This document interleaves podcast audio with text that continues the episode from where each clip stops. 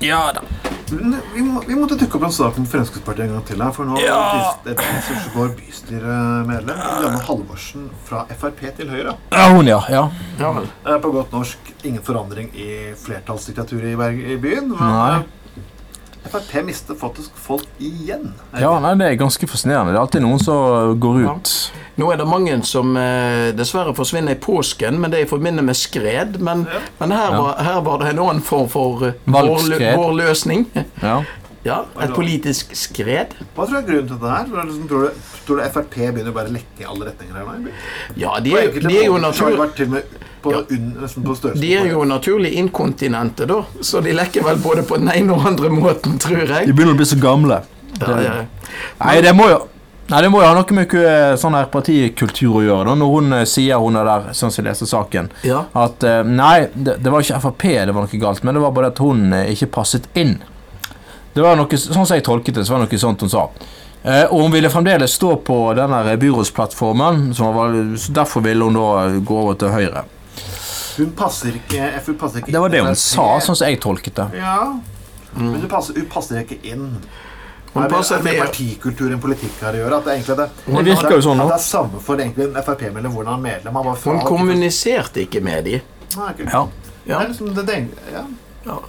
Det er jo, altså Jeg skjønner godt at det er vanskelig å kommunisere med folk i Frp. Det, det, det kjenner jeg meg godt igjen i. for så vidt. Kenneth Rasmussen eh, gjorde jo også den eh, eh, erfaringen, men han eh, hadde i den minste ryggrad, eh, bussjåføren Kenneth Rasmussen, til å bryte ut og representere demokratene.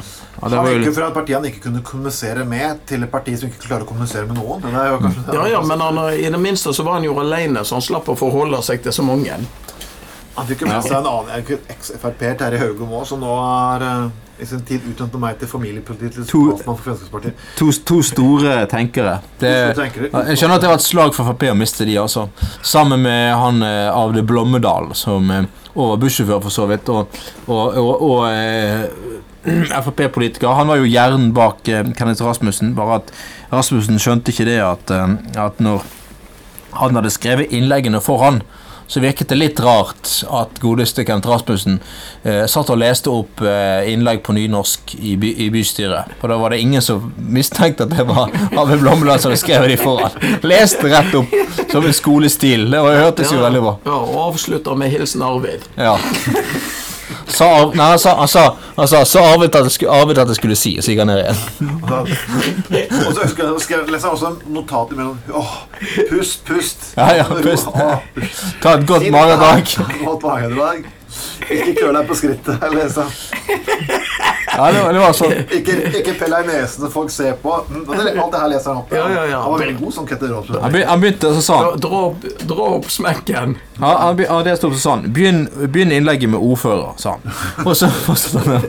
Ja, han var, han var fantastisk. Ja. Ja, og, så, og det heter ordfører og ikke horfører. Ja, det er vel- Nei, vi snakker ikke om, vi snakker ikke om nestleder i transportkomiteen på Stortinget nå, folkens. Nei, nei, Nei, nei, nei, nei, nei, ja. Åh, det er Nei, det her var en sak som egentlig endte opp i lang, ganske langt annerledes enn 90% andre saker på Guttormloven.